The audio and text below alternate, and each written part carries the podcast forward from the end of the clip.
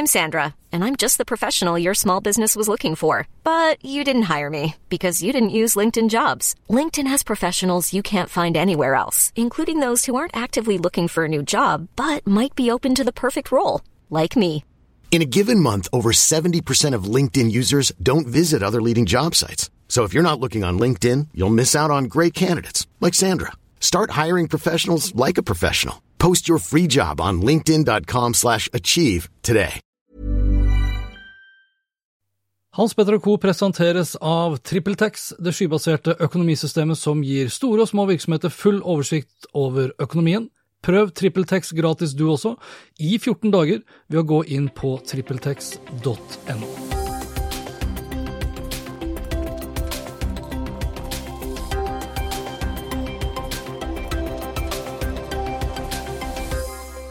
NRK doblet sitt engasjement i sosiale medier nå i mai.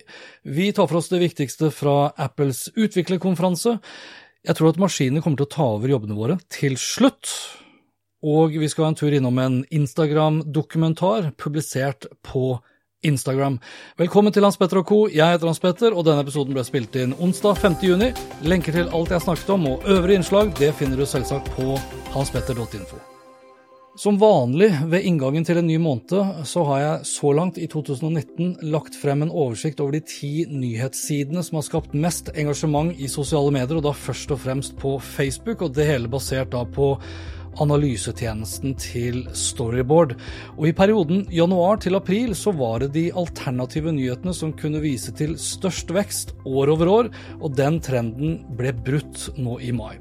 For i løpet av mai 2019 så delte vi nyheter via sosiale medier over 16 millioner ganger, og det er en vekst på hele 45% sammenlignet med mai 2018, og en vekst på 24% hvis vi ser da på april 2019 til mai 2019. Og dette igjen basert da på analysetjenesten til Storyboard, som da har overvåket over 163 000 artikler hvorav de aller fleste blir delt, ikke overraskende kanskje, via Facebook. Og for ordens skyld, Storyboard definerer delte som da likte, kommenterte og eller delte. Og 45% vekst år over år, det er faktisk da den høyeste veksten registrert så langt i 2019. I april så vokste de redaktørstyrte mediene med fattige 3% Den lave veksten har i stor grad vært knyttet til at spesielt da tv2.no og vg.no har falt. I mai derimot så vokste de redaktørstyrte mediene med hele 47% og da anført av NRK som mer enn doblet antall delinger år over år.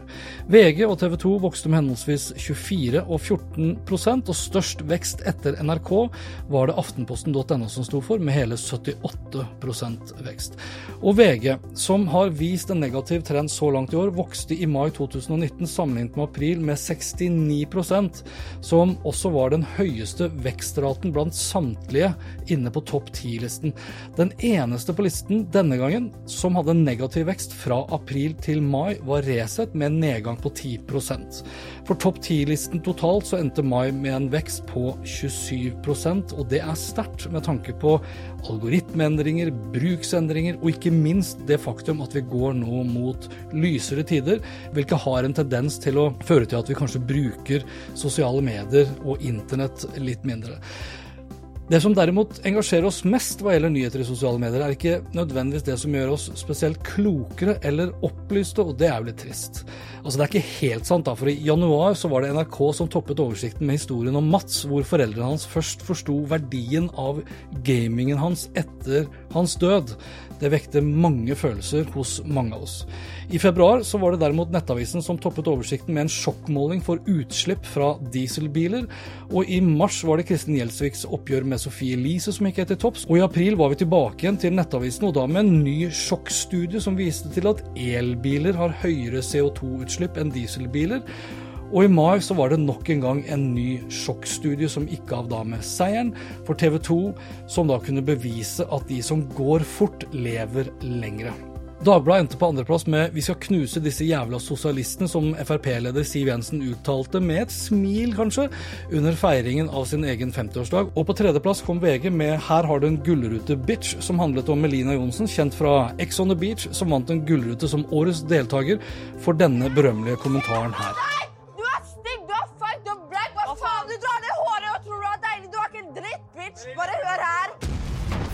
For øvrig en kommentar som også ble til en låt som gjorde det samme med Lina Johnsen til en artist, og som så langt i juni 2019 har blitt spilt av snart tre millioner ganger på Spotify.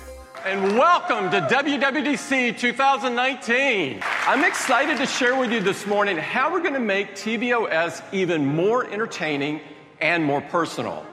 We completely redesigned the home screen. Det føles ikke ut som det er lenge siden jeg snakket om Apple sine siste lanseringer, og da snakker vi mars 2019, hvor bl.a. Apple TV Plus ble lansert, en lansering som på mange måter etterlot seg flere spørsmål enn svar.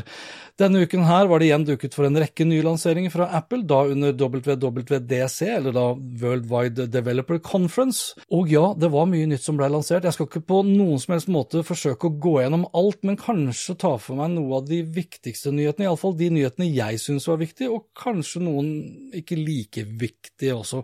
For greit nok, Apple lanserte endelig, vil kanskje mange si, en ny Mac Pro. En sinnssykt dyr og fet stasjonær maskin som sammen med monitoren, og monitoren må jo ha eh, en fot, og den foten alene kosta jo 1000 dollar, så har du 12 000 dollar, eller 100 000 kroner, så kan du få deg en rimelig feit datamaskin med en rimelig feit monitor og en rimelig feit fot som monitoren står på.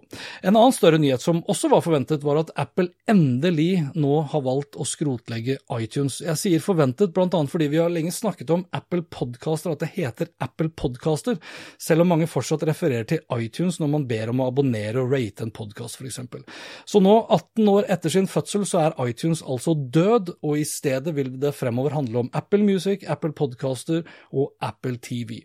En av de andre nyhetene som ble lansert i mars, foruten Apple TV Pluss og Apple News Pluss, var Apple Arcade, altså deres abonnementsmodell for spill, som da vil være tilgjengelig på alle Apple-enheter, inkludert Apple TV. Og under WWDC ble det også lansert støtte for å kunne bruke joystickene, som vi litt eldre kanskje kaller det, eller da spill kontrollene til PlayStation og Xbox, da tilkoblet Apple TV.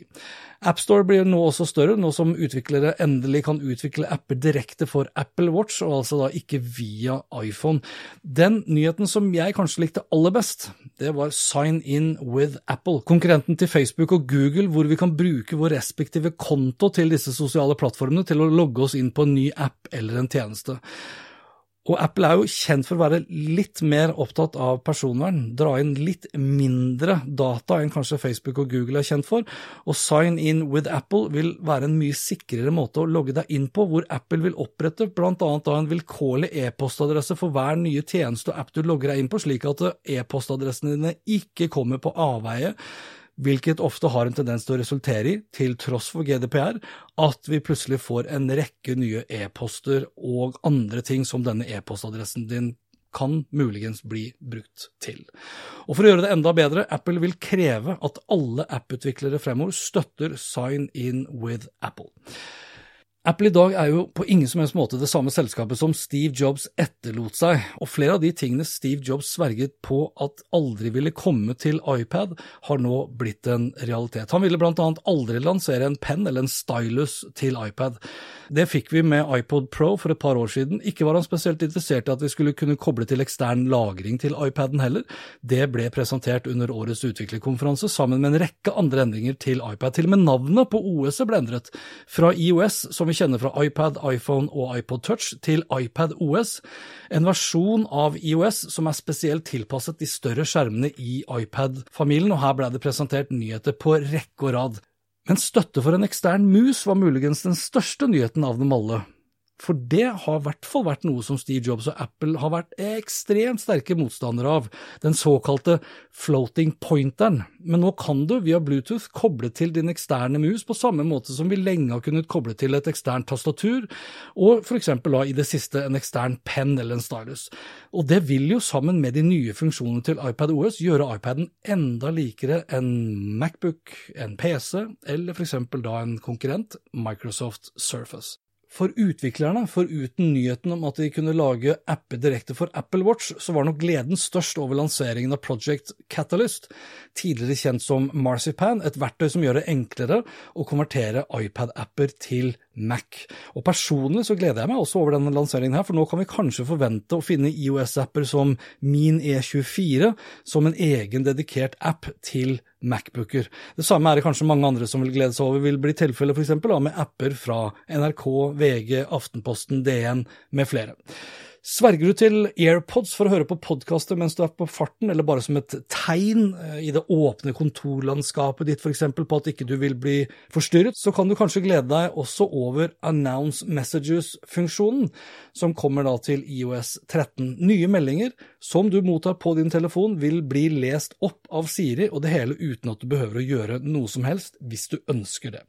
Og for alle vi som ikke liker å svare på telefonsamtaler fra ukjente, som i mange tilfeller bare vil forsøke å selge deg noe, så kan du også glede deg over Silence voicemail-funksjonen, som automatisk vil overføre alle anrop fra ukjente telefonnummer direkte til telefonsvareren din. Så med ett så ble kalde samtaler enda kaldere. Og har ungene f.eks. en iPad i baksetet og du vil konsentrere deg om bilkjøringen, så kan du nå også utstyre kidsa med hver sitt eh, iPod-sett og koble begge to samtidig til iPaden når IOS 13 blir tilgjengelig. Og årets utviklerkonferanse hadde vel ikke vært noe som helst uten at Apple endelig, med et snev av ironisk undertone, lanserte dark mode. Dark mode for å spare batteri, slik at vi kan bruke telefonen enda litt lengre, men ikke minst spare øynene våre for denne forferdelige blåfargen som er skadelig. Og som alltid, dark mode fra Apple er selvfølgelig da mye vakrere, mye penere, mye deiligere enn dark mode fra alle andre aktører. We are dark mode to iOS. Look at that.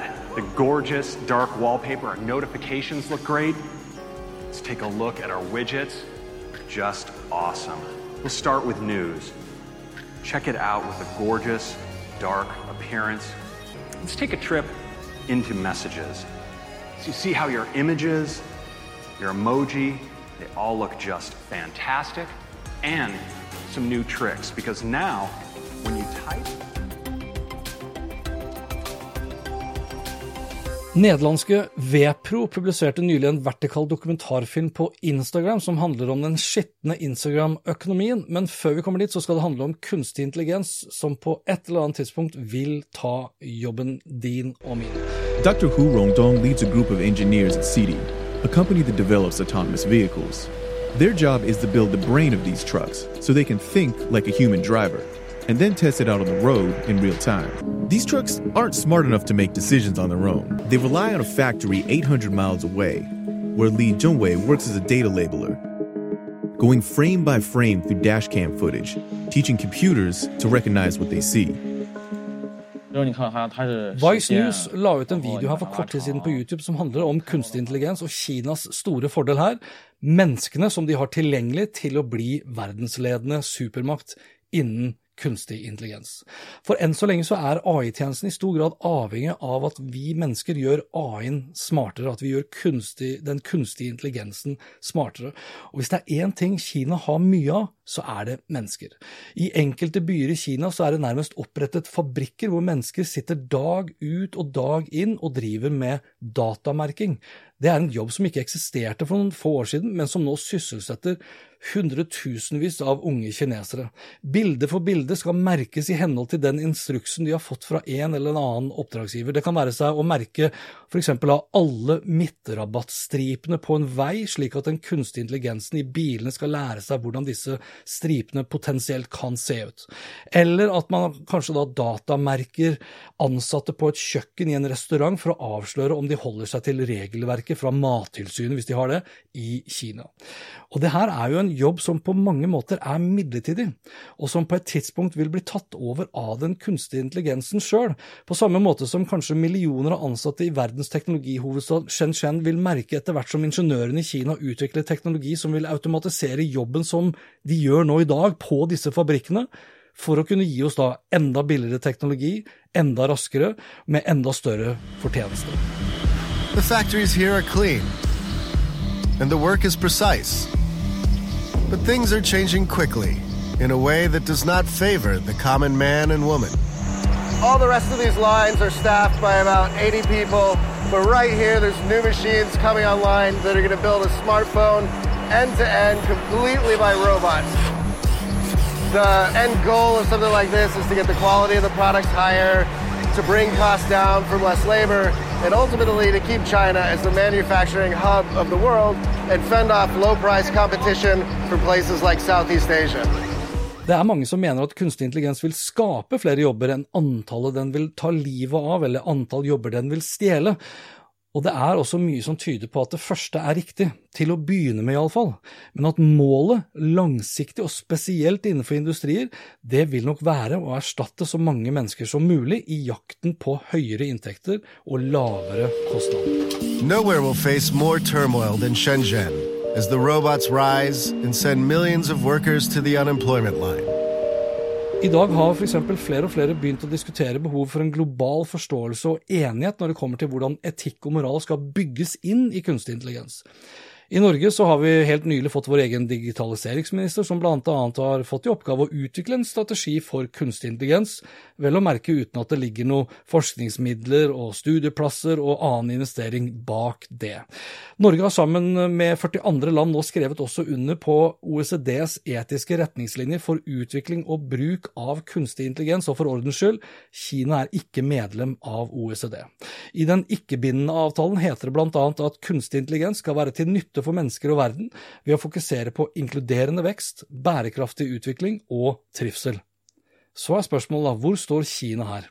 Og hvordan vil OECD-landene jobbe for at Kina skal bli med på samme etiske og moralske vei, en vei mot en hverdag som i økende grad vil preges av nettopp kunstig intelligens, som vil, på lang sikt iallfall, true arbeidsplassene. Lenke til hele saken den finner du på hanspetter.info. I'm personally a bit scared that because Instagram is so popular and there's so many ways to hack the system that it's getting out of control, that everybody who pays can send into the world whatever they want. Возможно, так же, как и Facebook и другие социальные сети. Ну, ничего не поделаешь. Yes, this is the same for Facebook or Yes. any other social network. What Yeah. can we do about it? Yeah, what can we do about it? Что мы можем сделать? В этом вопрос. У нас в России так далеко не думают. No. We have too much problem without this. 4. juni mottok jeg en e-post fra nederlandske Vepro, og den e-posten handlet om en dokumentarfilm som hevder å avsløre, og jeg siterer, den sjokkerende Instagram-økonomien.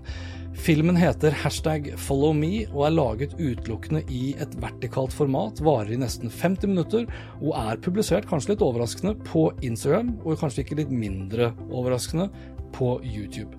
Vepro hevder at dette er den første dokumentaren om Instagram som er publisert på Instagram. og Den nederlandske dokumentaren er produsert av Nicolas Veul, som startet arbeidet med dokumentaren tilbake til september 2018, og det da basert på Instagram-kontoen followme.doc, som han da brukte til å bl.a. kjøpe 10 000 følgere, basert på det han da selv omtaler som en slags Wild Western-style-tilnærming. Den nederlandske versjonen ble først kringkastet via IGTV og på den nederlandske offentlige kanalen NPO3 i november 2018. Deretter ble den vist frem på World Human Rights Film Festival i Praha, hvor den også da vant Student Jury Award, og den har også blitt vist på Input-konferansen i Bangkok. Den nye versjonen som ligger ute nå, den er tekstet på engelsk, lagt ut i 916-format og optimalisert som sådan for smarttelefoner. Anouk Kaminga, som er sjefsredaktør i Vepro TV, skriver i pressemeldingen jeg mottok at eh, Instagram og den uformelle økonomien som går hånd i hånd med den, er et globalt problem. Vi har følt at vi har måttet gå utover det nederlandske publikummet med dette prosjektet med en internasjonal og vertikal dokumentarfilm. Og som de selv skriver avslutningsvis, fra kjendiser som forfalsker sin popularitet, mødre som kjøper falske følgere for barna sine for å få dem til å føle seg mer populær, til nettverk av russiske husmødre som selger kommentarer basert på etterspørsel, hvem er det som lurer hvem i dette Instagram-forholdet? Og kan man på noen som helst måte stole på noen som er på Instagram under slike forhold? Jeg anbefaler dokumentaren på det sterkeste, og lenke til hele videoen finner du selvsagt på hanspetter.info. Og dette var det for denne gang. Likte du det du hørte og vil forsikre deg om at du får med deg de neste episodene, da kan du bl.a. abonnere på Hans Petter og Co. på Apple Podcaster, ikke iTunes. Ellers er podkasten også tilgjengelig på Spotify, Acast, Google Podcast, Orcast og TuneIn Radio. Inntil neste gang, vær nysgjerrig, for det er den beste måten å møte vår digitale fremtid på.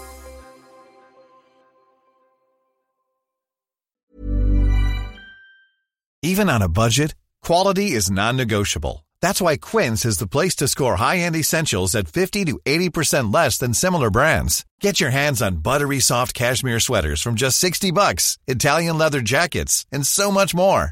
And the best part about Quince, they exclusively partner with factories committed to safe, ethical, and responsible manufacturing. Elevate your style without the elevated price tag with Quince. Go to quince.com slash upgrade for free shipping and 365-day returns.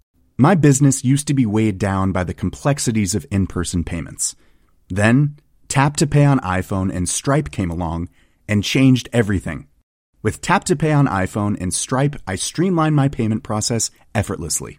Now I can accept in person, contactless payments right from my iPhone. No extra hardware required. What's truly remarkable is how I can cater to all of my customers' payment preferences. Whether they're using cards, Apple Pay, or other digital wallets, Tap to Pay on iPhone and Stripe ensure a smooth checkout experience every time. And it's not just me. Stripe helps businesses of all sizes, from local markets to global retailers, scale quickly and stay agile. To learn how Tap to Pay on iPhone and Stripe can help grow your revenue and reach, visit stripe.com slash tap iPhone.